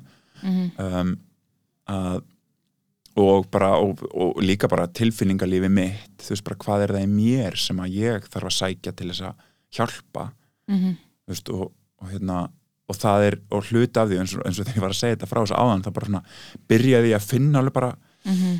tilfinningan að koma upp af því að þú veist, þetta, það sem ég geri í hugleislum er að sækja oft tilfinningar bara svona og til þess að svona magna upp svona magna, magnetisma hjá mér og það sem ég er að byggjum og það sem ég er að vinna í og svona Mhm. og, þá, og það verður og það hefur, og það verður miklu einfaldra í þá vinnunni eða í lífinu ef ég þarf að sækja tilfinningu eða eitthvað svo Vá, áhugavert Já, Mhm. Hvað Hvernig huglislu er þetta? Eða hvar finnur þessar huglislir? uh, sko það eru til alls konar Joe Dispenza er til dæmis einn sem að, ef þið hafið heyrt um hann hann er búin að vera þessi mörg ár, hann er með svona rannsókna setur og allt, hann er svona Wow. geggjaður amerskur mér langar ekki að segja gúrú en bara svona mjög framalega í að rannsaka líka heilan og svona vísinda að rannsaka þetta, að þetta er oft svona mjög andlegt, eðlilega. En það er líka ímislegt sem gerist bara í tögakerfinu okkar og hugleislum og í heilanum þegar við erum að huglega Mhm. hann er einn, svo er ég búin að vera áskrifandi að uh, um, vefsíð sem heitir tobemagnetic.com sem að Mm, Ég er svo spennt fyrir þessu sko. Vá, hvað að- ég mikið að fara að skrá mig. Þetta, Ok, Björkfins er spritt og það sprullaðist yfir allt Oh my god, þetta, ég sá Þetta þetta bara fara í sprayt. þér og þú nei missa þetta hér. Já, og þetta Bjarni misti augað. Einmitt. ó nei, Oh damn. Bara Nei. augun er að hverfa hér í þessum þætti. Ó, guð, ég er rólegur. Augun er að hverfa. Bara svona hægt og rólega Bara svona Þú veist að rólegur yfir. nú eru þau alveg að horfin En þetta er magnetíst oh, Já, þú varst að segja það. já, to be, tobemagnetic.com og þetta er sko þetta er sko geggjuð síða og þetta er, hún sko heitir Lacey sem er með þessa síðu, hún er hérna founder. Þetta er basað í LA og hún er sem sagt, læriði mikið af Joe Dispenza og var mikið að hugleiða á hans hugleiðslum. Og þetta er life changing sko, fyrir mig þetta bara breytti lífið mínu af því að þetta er einfallega þannig að, og fræðin þeirra eru þannig að þau sagt, eh, eru í samstarfi við hérna, eh, neuroscientist sem er líklega taugalífur taugalíffræðingur taugalífeðlisfræðingur ég veit Já. ekki hvað íslensk orðið er og sem að er í rauninni bara svona búin að vera sálfræðingur og, og, og kann í rauninni á taugakerfið Mhm. Sem er bara mjög flókið og sem er náttúrulega bara mjög gamalt í okkur. Það er líka bara hluti af bara skriðdýra heilanum er það, þegar við förum í flight or flight, fight or flight og allt það. Og það sem að þetta byggir á er að koma okkur í hugleislu ástand sem er bara því að við, það er bara hugleislu sem gera það. En það sem að maður gerir svo þegar maður komið þangað þá leiða þau mann í gegnum bara með orðunum sínum uh, alls konar og maður er að endur forrita lífið sitt. Þetta er svona pínlega eins og partavinna hjá sálfræðingi nema maður getur bara gert þetta heima hjá sér hverjum einast degi wow. ef maður vill. Og þetta er alveg intense stundum og það er alveg svona þetta er alveg bara að reysa, maður í námskeið og maður fer alveg í gegnum fullt af svona myndböndum hún skýrir alls konar út og hérna hvað þetta er. Og bara disclaimer eins og þau gera, þú veist, aldrei að gera þetta þú veist, ef að það er eitthvað hættulegt eða að það er líka svona triggerar sem kom upp og vera alltaf með góðan sálfræðing sem maður bara hittir í einn personu Mm. þannig að þú veist, þetta er, maður þarf líka svolítið að bera ábyrð á sér að vera ekki bara Já. að grafa og grafa og grafa og hérna, Og- ekki vinn úr neinu ekki einu akkurat Mhm. en það sem, að, það sem að þetta hefur gert og gert fyrir mig er að þetta er, eh, er bara þetta er búið að valdefla mig svakalega og auka sjálfsverði mitt af því að ég er bara búin að og, er, og ég er ennþá að því þetta er náttúrulega bara stór vinna ég er bara, til dæmis varandi hinsengilega minn sem að verki mitt er um sem að eru bara stóra skömmin í lífi mínu og mér fannst ég aldrei tilherran en staðar, mér fannst ég aldrei vera einhvern veginn hlut af samfélaginu vinum mínum í alvörunni þegar ég var krakki, sérstaklega ekki strákahópnum. Mér fannst, þú veist, foreldrar mínir ekki sjá mig eða fjölskyldunar eða eins og fyrir það sem ég er og var Mhm. og það sem ég geri í hugleslunum og þau bara leiða mann í gegnum þetta og maður ræður hvaða minninga maður tekur svo býr maður bara til nýjar. Mm, já, ég hef gert þetta. Og maður býr bara til nýjar æskuminningar mm og það er það sem allir til dæmis fyrir mig fagna manni. Og maður er bara fullkomlega tekin opnum örfum í bekknum sínum eða í hérna á fjölskyldibóðinu eða þú veist, og bara í, það er bara maður er beðin um að vera með hérna atriði á ásvartíðina því að maður er svo geggja góður í að stíga og svið eða eitthvað svona Mhm. og meðan maður var alltaf einhvern veginn að börðast með skömm og vil, þó- að því maður var gert grínamanni fyrir að taka mikið pláss og vera þú veist, kvenlegi strákurinn Mhm. þá var mér, þá bý ég til þannig minningar bara aftur og aftur og aftur þetta er alveg langt ferli að ég, mér er fagnað og ég er Mhm. bara I am embraced sem þessi strákur þannig er ég bara heila litla barnið. Og, og það er til þú veist Inner Child Workshop, það er til Shadow Workshop, það sem mm. maður kynnist skuggabarninu í sér líka sem er svona myrka hliðin og sem að heldur í manni og, og að held passar mann og lætur mann ekki stíð út af bjargbrúninni sem við vorum að tala um aðan hann vill bara loka og bara við erum örgi núna. Að það er það sem að ég er búin að læra og ég er, ég bara búin að eiga rosa mörg samtölu við hann verðandi að gera sér daginn fekki að því að hann vildi alltaf stoppa. Já, Já, bara þetta er á mikið, þú verður allægi þú munt bara deyja. Þú munt vera, þér mun vera útskúfað. Þetta er bara það sem öskrar á mig sko, því að hann er svo ógesla hrættur við að ég taki fullorðni ég taki að því hann er búin að vernda mig Mhm. alla æfi hann er búin að passa mig og hann var mikilvægur á vissum tímabölum að því að hann bara sjúkla góður í lifa af. Ógeðslega góður að lifa af, Já. nefnilega. Og hann bara verndaði mig bara rosa mikið og, og bara þegar ég þurfti að virkilega á því að halda. Og hérna, en svo er bara komin tími á að fullatum björn bara taki við keflinu. Og, þú veist, og ég tala við hann oft bara og við förum í þú veist, og þetta er svona rosa image-based, maður fer bara inn í svona helli og hittir hann og sér alls konar og þetta er bara svona þetta er, það er ógæslega mikið að námskeiðum hann inni, þú veist, það er líka svona love and money workshop og þú veist, manifestation þar sem maður vil skrifa niður svona lista sinn og, og þetta er alveg bara mjög tíma fyrir ektir að maður fer allar leið. Mm. svo eru þið með svona podcast og svo eru líka með sko svona podcast sem er bara fyrir hérna meðlimi sem að þau svara svona spurningum sem er ótrúlega svona miklu meira djúsi. Þú veist, finnst podcast er ekkit það er allt í læ, það heitir Expanded með Lacey Phillips og hérna, en það er alveg fínt það er alveg fullt af flotti fólki sem koma til þeirra. Uh, þannig að bara að þetta brási gegnum það, en, en þetta er bara og ég er ennþá áskrifandi þú veist, þetta er tvö ár. Og þetta í alvörunni bara, og ég byrjaði í COVID var nóg tími. Og ég bara skrifaði ógeðslega mikið í dagbækur. Og hérna og skrifa niður allar þessar pælingar og, og gera upp alls konar svona mynstur og, og átta mig á alls konar svona að ég bara svona prógramum í mér sem ég vissi ekki að vera til staðar sem ég bara er að gera upp. Já. mitt og hérna, svo á ég sko frængu sem er besta vinkona mín sem er líka búin að vera í þessu og verður svo geggja gott að vera með svona buddy. Já. það er alveg svona expanding líka. Já, Næs og hérna, og þú veist gaman að tala um þetta og bara, oh my god, þú veist hvað kom fyrir áðan í DI, þú veist hvað er DI Deep Imaginings sem er hugleisla bara þetta, þetta og bara já, ég læri þetta. Ok, geggjað, allavega, viltu þú veist, já, já, já. það er svo gaman sko. Já.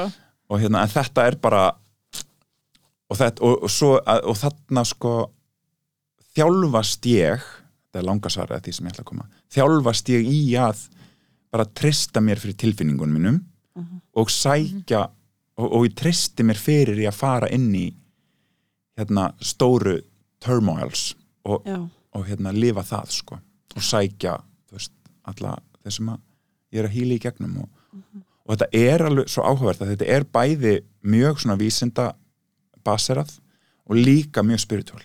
Mm þetta er alveg svona þarna milli. Hvað sagður eftir að þetta hétti síðan? uh, to be magnetic. To be magnetic. Magnetic. Punkt- Sponsored com. by To be magnetic. Þessi þáttur. Ok, næs, ég ætla að skoða þetta. Já, ég líka. Já, og það er þetta að fara, það er þetta, ég held að sé þetta að pröfa eitthvað svona get clarity, hugleðslu, bara ókipis eða eitthvað, Já, ok. Alls konar, það er, já, þau eru nýbúin að breyta hjá sér, en ég bara mæli með að, að tjekka og ég, fyrir þau sem eru áhugasum, þá þreytist ég ekki á tala um að þetta er bara og svo er ég líka með hugleðslur sem að Jóhanna Jónas, frænka minni með bara á netinu, hún er með svona áskriftir sem er svona dásanlegar íslenskar svona kærleiks opnanir svona þakklætis hugleisla og, og Vá, svona fallegt. Beautiful. Nice. Mhm. Ég er að spá í sko, út af hef ég sjálf farið í svona partvinnu og um, þessar minningar þegar maður er að hérna, fara í gegnum að, að gera þetta aftur og aftur hérna, Mhm. að sína eða þú veist, bara taka þessa minningu með litlabanninu sínu og, og, og gera það fallegt. Já, ég er að spá í sko hvort að það virki svona vel út af því að þú fullotna þú ert að huglega og þú ert að segja við batnið þitt að svona átti þetta að vera. Svona mm, átti raunveruleikin að vera Mhm. en út af því að hinir voru að rugglast já, fullotna fólkið já.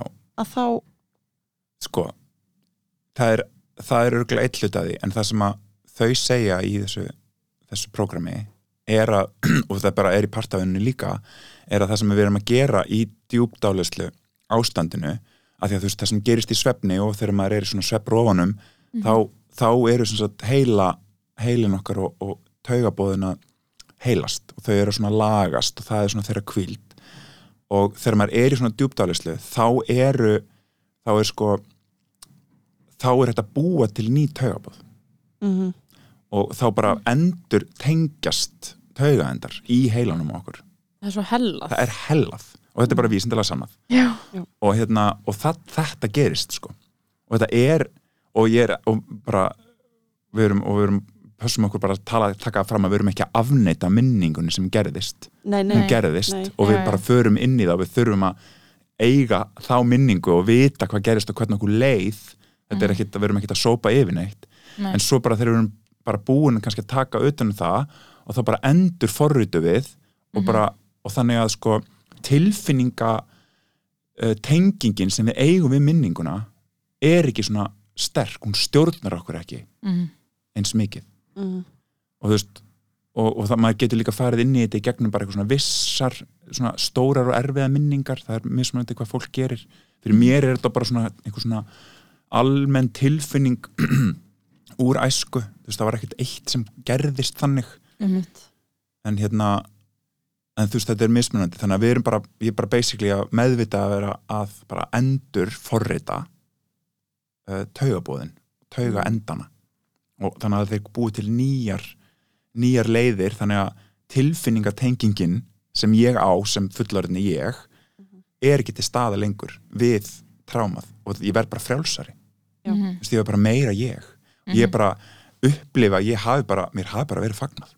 Mhm. sem bann og ég hafi bara fengið að blómstra og alltaf bara í lægi og þú veist Mm, að að, og svo er næsta skrið, þannig að maður er búin að gera þetta í smá tíma er að fara svo út í lífið og, og reyna þegar að til kastana kemur að lifa líka í, Mhm.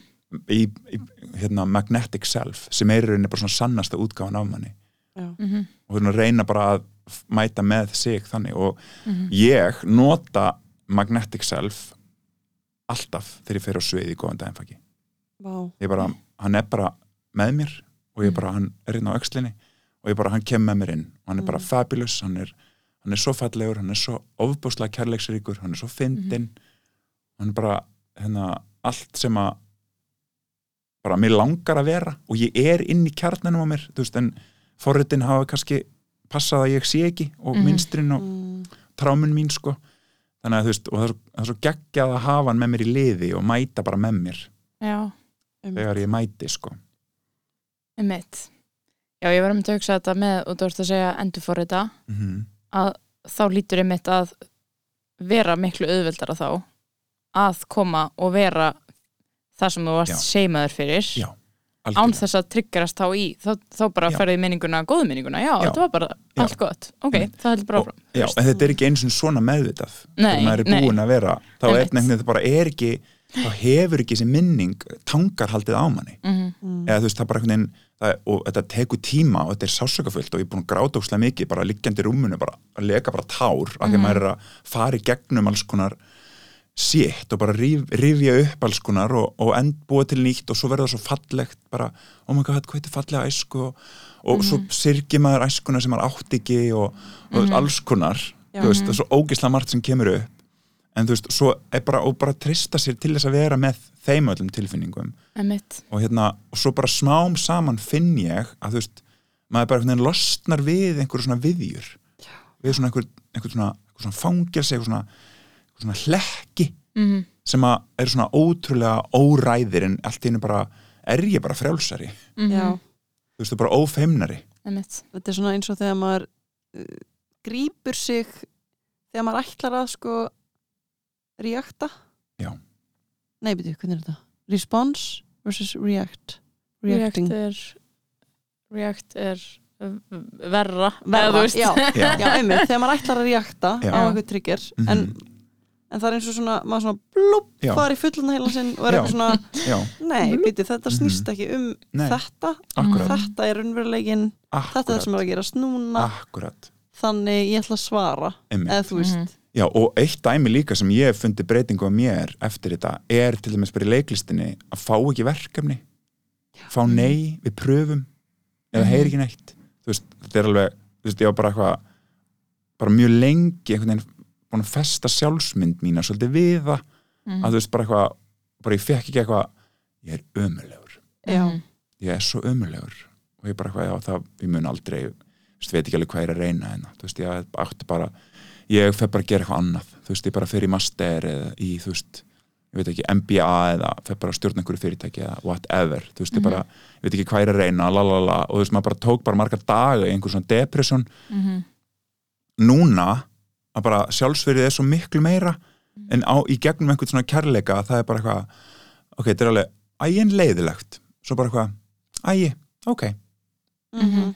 þú veist, ég veit bara að það er bara eitthvað annað að fara að koma. Eitthvað betra. Eitthvað betra, sem maður sér ekki þegar Nei. maður er á þessum stað. Nei, akkurat. Það er sko þannig að maður er ekki einu svona þú veist, ef, ef þú lístir þessu svo fallega svona, og þú gerir þetta svona eins og væri þú veist, í slow motion þúsund sinnum, bara svona og nú er ég alltaf ekki að reakta heldur blúp, fullorðna heilin veist, heldur Já. bara einhvern veginn hugsa maður það ekki einu sinni, allt Já. í einu bara er maður ekki reakta, já, Já. allt í Það er maður ekki að bara bregðast illa við, heldur bara eitthvað ah, ok. Svo allt í allt einu til smástund bara býtu wow, já, Mhm. ég reaktaði ekki. Eða þú veist, já, líður mér í alvörunni svona bara er ég, er ég í alvörunni alveg sama? Og þú veist, Já. það er alveg svona geggjað svona sigur, Mhm. já, þú veist, að vera ekki að vera ekki einhvern veginn fastur í fangelsinu já, Já. aftur og þetta Það er var bara life changing þetta er búið að breyta Mm. lífið mínu Eitt, einn af þeim hlutum sko sem að Mm. Mhm. algjörlega hefur og þetta hljómar úslega woo-woo kannski en eitthvað en, en þetta er bara og þetta er alveg svakalegt sko ég held að sé sko að því að hvernig við erum að setja fram þetta er svona eins og bara gerðu bara þetta Já. þessi hérna Einmitt. tíu skref Nei, og þá einmitt. ertu bara góður Eða bara, sko þessi tíu skref já, sem maður tekur bæði, maður fyrir hérna fimm skref áfram og svo tíu aftur og bak Já, eða. 15 aftur og bak og svo þarf maður byrja frá byrjun og Mhm. þú veist það er líka svo ógislega hugrægt að fara inn í þessa sjálfsunu vita bara af sásökunum og hvað það verður vond mm en maður veit alltaf, maður er alltaf að byrja að læra meira og meira bara, já, þú kemst lifandi út Já. Mhm. líka þó þú takir skrif aftur Já. þá ertu alltaf að fara að lifa þetta af Þetta er aldrei búið ó, þetta er aldrei búið Alltaf með sjálf hann á bakinu aldrei Dú-dí-dú-dí-dú. og, og ég man þegar ég byrjaði á þessu TBM, ég var, þetta, þetta Tubi Magnetic TBM, Mhm. þá hugsaði ég var alveg hrættur að byrja sko Já. fyrst, ég var alveg bara ó, ég vissi ekki alveg við hvað ég var hrættur en þetta var eitthvað svona, ég bara var alveg með svona pínu stress inn í þetta Mhm. að því ég vissi þetta yrði eitthvað uppgjör og það kæmi eitthvað alls konar upp svona Já. og hérna og það gerðist, en það var bara allt í læg að veist, þetta var bara eins og að tala um stiga hænuskrifið fram að bjarga búrninni mm, það bara verður allt í læg með mig sko og veist, og þetta er bara um mitt, aldrei búið Mhm. og við erum alltaf einhvern veginn að flysja næsta lag af lögnum Mhm. Já. sem við erum stanslaust. Stanslust Mhm. sko. það er alltaf ný verkefni og að því að um leið maður er búin að sinna kannski einum parti, einum hluta þá bara, Mhm. þá bara blasir annar við. Mhm. þá verður annar orðin stærstur og það bara, ó, Mm, ok, nú er þessi. Eða þú veist, það opnast alltaf inn á eitthvað annað og maður er eitthvað býtu, um mitt heyrðu kemur í ljós nýr þessi nýr. Þetta er bleikorka Já, svo finnum maður út, já, þetta er áttara já, já, já, what? akkurat, Eitthvað. akkurat. alveg hellar ég líka sko, ég er nýbúin að horfa á hana myndina eh, hafið síðan hana Stöts S-T-U-T-Z? Sem Jonah Hill gerði um sálfræðingin sinn. Nei, er ekki ég er búin að sjá hana. Og þetta er svo ót, þetta er það sem ég þurfti að læra í ár sko, og það er alltaf einhver nýr lærdumur, er að sko þú mynd alltaf fara í gegnum lífið og það er þú, það er aldrei lokapunktur í sjálfsvunni. Nei. Þú veist, það kemur alltaf staður þar sem þú farið bakslægið og Mhm. fyrsta skipt sem að gerast var ég bara what, ég er búin að vinna svo mikið í mér okkur er ég aftur komin að þennan stað, Já, hvað er í já. gangi einmitt. en í þessari mynd þá talaði hann um að það eru þrýr three realms of life Mm. eða þrjár vítir Mhm. það er hérna sem þú þarft alltaf að lifa með sama, þú veist, þú vinnir Óskarinn eða Já, já. sama þú sért búin að orðin miljónamæringur eða Mm. biljónamæringur, skiptir ekki máli, biljónamæringur, segjum það. Allavega, já, já, já, segjum það bara. Þá er það sko sásöki, óvissa og constant work. Sem sagt, eh, constant work bara svona sífæld vinna. sífæld vinna. Mhm. það mun alltaf fylgja þér. Þú heldur, þú ert með eitthvað markmið. Hérna segjum bara markmið sé að fá þetta hlutverk í þessari bíómynd. Mhm. Þú heldur, þú ert með glansmynd í haustum á þér Já. og það er einmitt einhver partur sem er ekki elskaða nógu mikið sem á þessa glansmynd sem vill fá svo sjálfsverðingu Já. Mhm. og vill fá glansmyndina Mhm.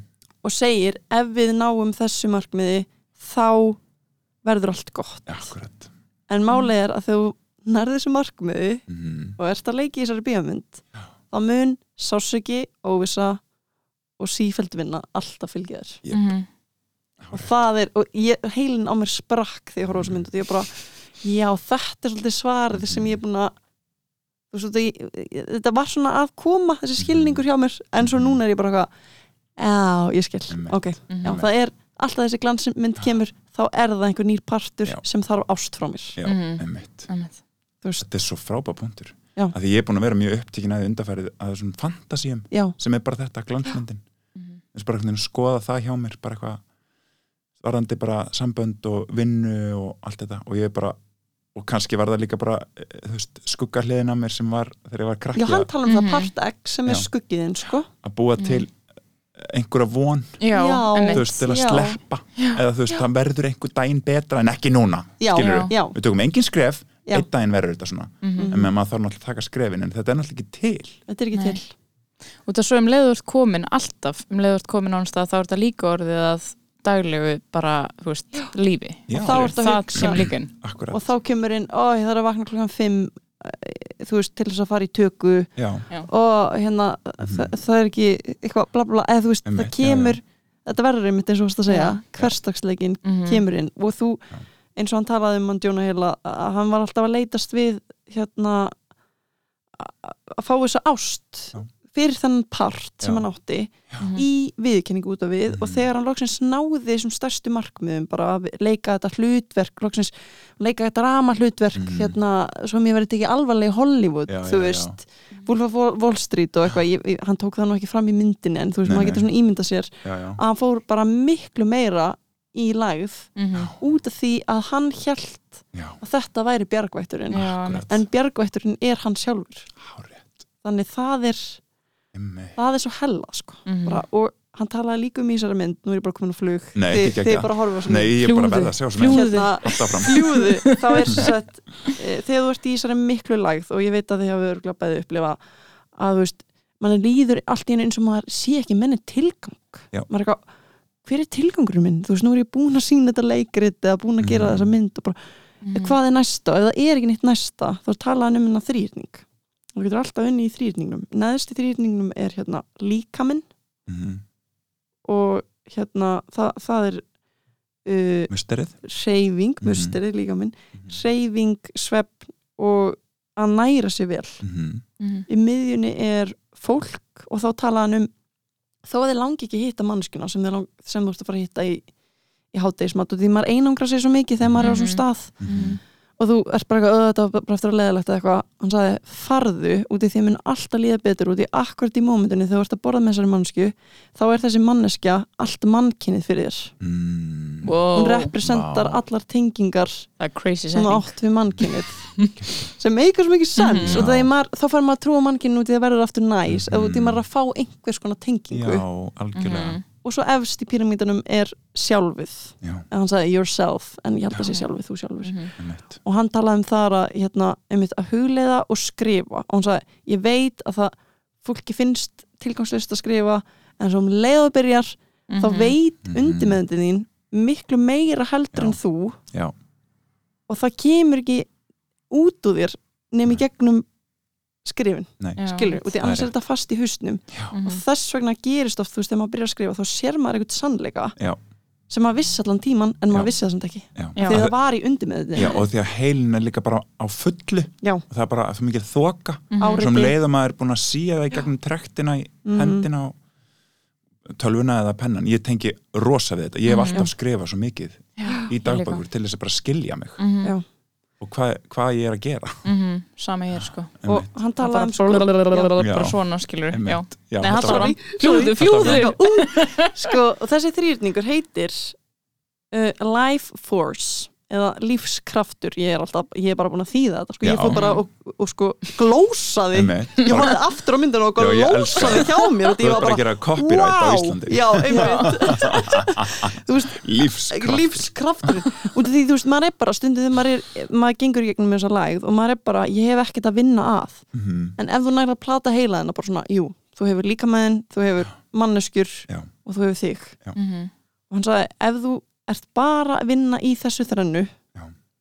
bara það er bara eina markmið þitt, bara þú ert að hreyfa í dag sofa vel, Mhm. næra þig Mhm. hitta eina mannesku, Já. skrifa niður smá Mhm. þetta er, nú, eh, þetta er alveg nokkri hlutir og það er Já, já. erfitt ef maður er í lægð en þú veist, hann sagði í 85% tilvika, nú veit ég ekki hvað hann fekk þess að tölu, þá liðið þið betur Mhm. bara 85, eða í 85% tilvika þá virkar þetta þeir mun Mhm. líða, er, þú ert komin á betri stað veistu að þetta er örgulega eitt af besta sem ég hef heyrt í ár. Nei, sko ég horfði á þessa mynd, Bjarni og ég var bara, wow ok, næst því þetta á hann stað. Já. mér langar bara að mála mynd með þessum þrýrningi, Mhm. hafa hann inn í Tattoo. svefnherbyggi Mhm. Tattoo.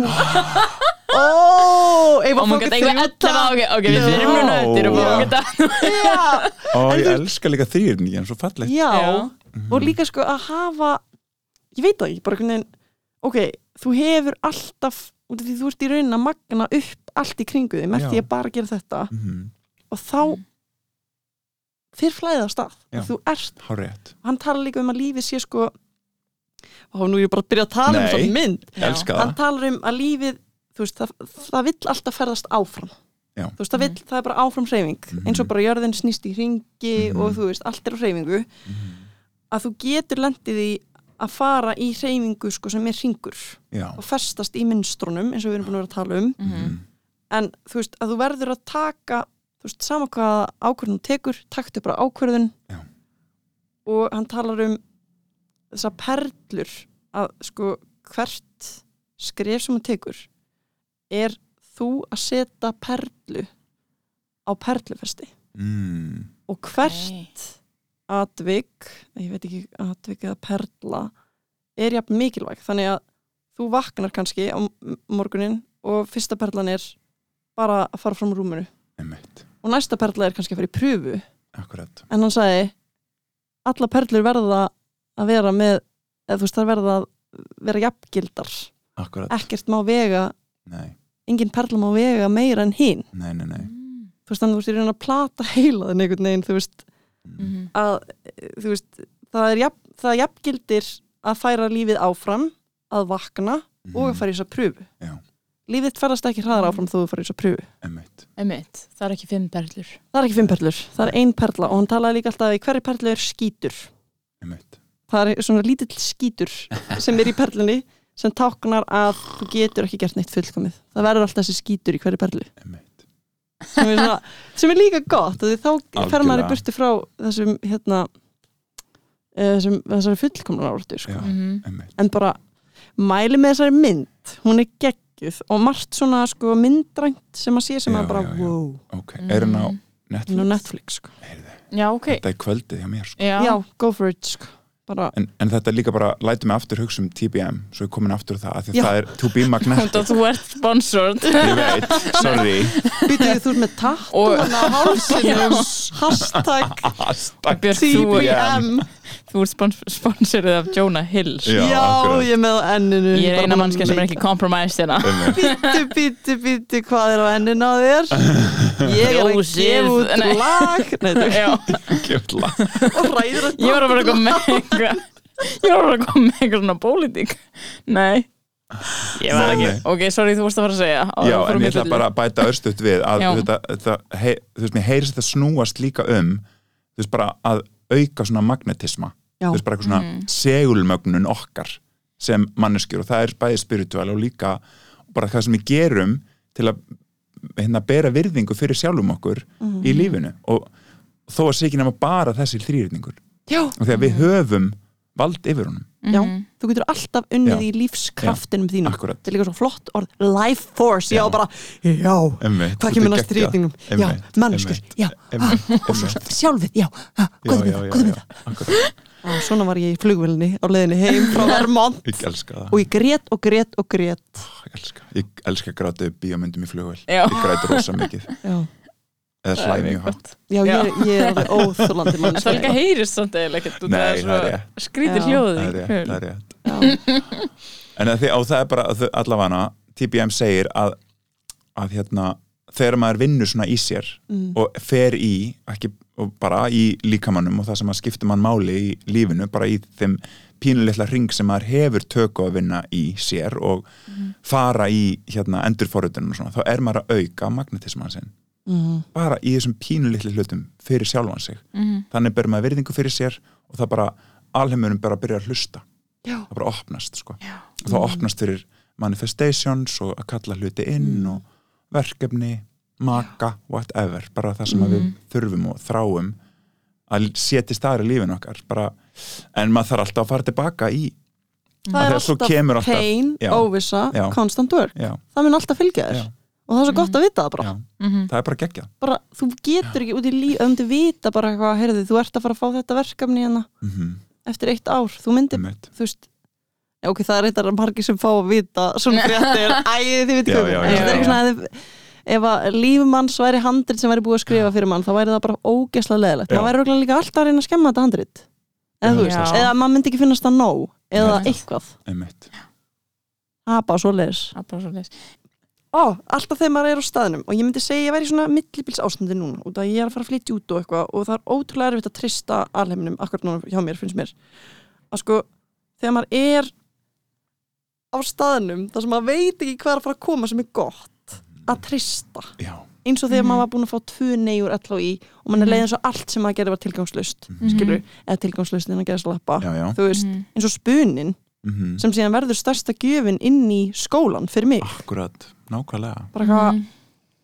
en þú veist, þegar maður er á staðnum ó, stundum er svo erfitt að trista en maður verður að gera. Mér finnst ég að lendi þessu bara ítrekað bara trekk í trekk að eitthvað virkar ekki, eitthvað gengur ekki upp eða Mm. maður fær nei eða höfnun og svo kemur bara eitthvað miklu betra já, sem maður hefði bara ekki gert ef maður hefði gert hitt. Einmitt.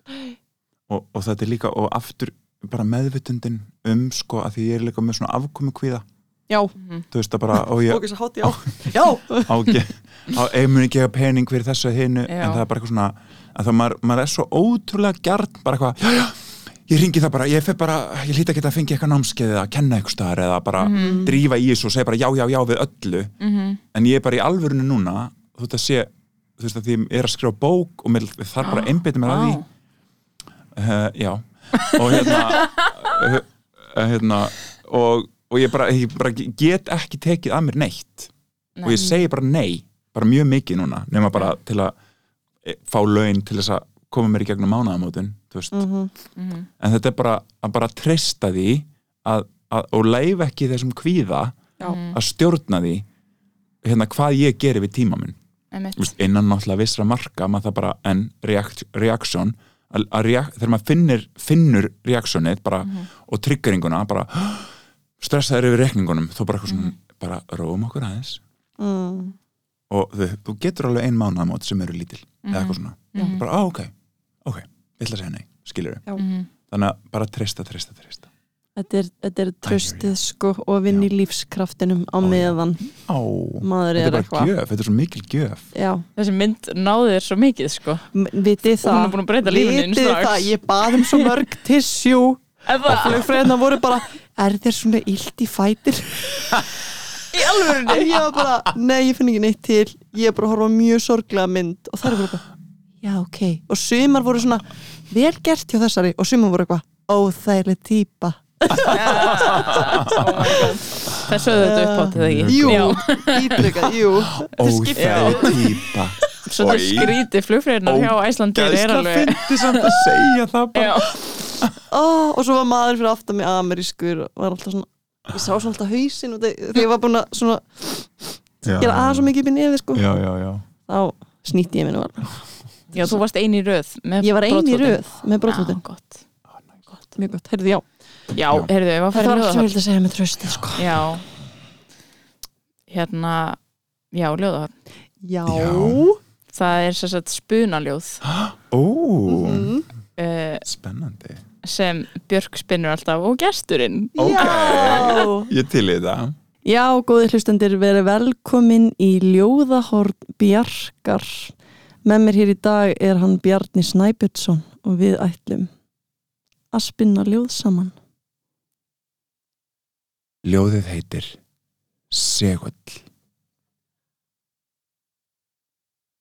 Ég svíf um jörðina eins og segulsvið. Ég sindra á geisla eins og norðurljós Áfram gakk, hönd í hönd, erum við. Ég syndi og sigli við og við Ljósið skín skærar með hverjum degi.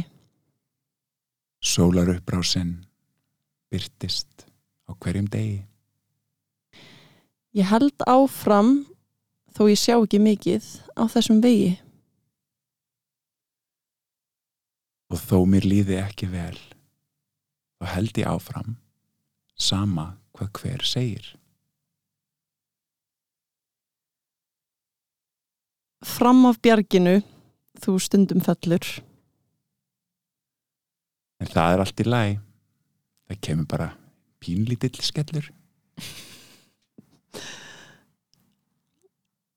en síðan stækkaru og stækkar þangar til þú springur og þá heyrist kvellur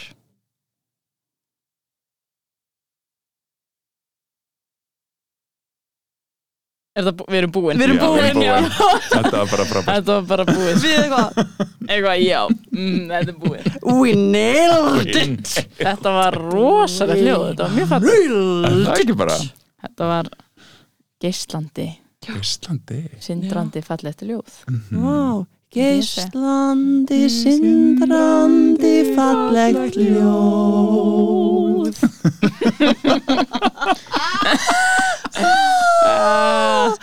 þetta var nú Já. svolítið eins og jólalag.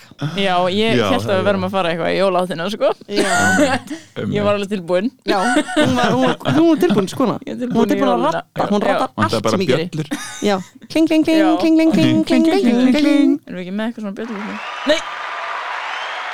ok, eitthvað Af fagnarleiti hverju erum við ekki búin að nota þetta oftar? Ó, maður þarf að stoppa þetta líka. Það passa mjög vel við, við þurfum að stoppa þetta Ok, ég ætla alltaf að íta þennan taka þegar ég feila með brandara. Ok, ég ætla að skoða allar takana. Mhm. Ok, þetta þetta er góður, ok. Þessi er scary. Já, Björn er ekki Sindra- Velkomin í ljóðan Bjarkar, þetta verður nýja bjarkar. Ó, ó, nei, ég held ég, ok. Hefur þú einhvern tímann pælt í því að fá þér áskrift hjá tbm.com? já, þetta er svona this Hættu- já. show is sponsored by. Já, Já, já. Þetta er kostuð auðlýsing. En Netflix. And now a word from our sponsors. Já, Herði, já. Við erum bara, við þurfum bara að fara að klára þetta held ég. ef ekki bara að fara í plugg Jú, Hvað get ég plugg jú. plugg? Það var bara já, það sem ég var að fara að spyrja Já. hvort það væri eitthvað sem þú vildi plugga já, kannski sýningu neðinni já, sýningunni við erum, erum nú eitthvað eftir. Og svo svo er, jú, viðlag. Kórum minn er með jólatónleika. Æ, Ok. en gaman. Já, Næs. getum talað um það. Já, hvar eru þeir? í Tjarnabíó, Ok, uh, 12. desember. Ok. Mm Og eru, Næs. eru hérna, það eru eini tónleikar. Já, ef að þeir seljast upp þá verða kannski aðrir. Ó, Ok. allar ekki bara miða. Já, og þetta er sem sagt uh, bara geggjaðir tónleikar. Við erum sem sagt að gera Disney þema Ok Ó, Björk, þetta var geðið tölgast Ok, og nema hvað að við erum að gera öll Disney-lögin, eða mörg Disney-lög með nýjum íslenskum jólatekstum já. Ok, geggjað. það eru einsöngurar og bara þetta er náttúrulega geggjaðu kór sko. Þetta er bara ógislega gaman og Axel Ingi vinnu minn er að stjórna þessu og það er búið sjúklega skemmtilegt sko. Já. til dæmis syngjum við lægið hérna þekki hérna Nana talk about Bruno no, Já. no, Já, no já. við gerum sem sagt höldum jólin á Tenerife í ár höldum jólin á Tenerife Yeah! Vá, þetta var Geðveikt. æði jöp, þetta verður Nice. geggjað sko Já, Já, það er bara þetta nálgast miða á tix.is og líka á góðan daginn faggi, tix.is já, geggjað Mm, Hvenær geðveikt. eru sýningar á góðan daginn faggi? uh, Næstu sýningar eru í janúar. Ok, Vá, mm Ok. Við tökum jólafrí. Já, Já. mjög gott. Og hérna, svo bara en svo bara, og kannski bara segja það í fyrst skipti ofnbyrlega hér, við erum bara örgulega að fara að klára núna í janúar, februar þannig að nú þarf bara að fara að drífa sig. Ok, Mhm. ég þarf náttúrulega að drífa mig sko. Já, Ég er ekki búin að ég skal koma með þér aftur. Ok. Mér langar að sjá þetta aftur. Ég ætla að vera fremst í bekk og ég ætla að vera svona og ég ætla að vera verndar þinn. Já, með nýf Nei, þetta er alltaf leifjörði, ég er enda ah, Já, geggjað. Lauma mér upp á svið mm með nývin Guð, þegar nú verið kannski útrúðu þjóðleikusinu Nei, mega ekki, því ég er að sína það sjálf Nei, en bara takk kærlega fyrir að koma til okkar Bjarni. Bara takk fyrir að taka mótum, þetta er bara æðislegt. Já, takk. Spjall. Mjög Vá, hvað er gaman spjalla við alltaf. Ógeðslega gaman. Alltaf gaman, alltaf gaman. Mm.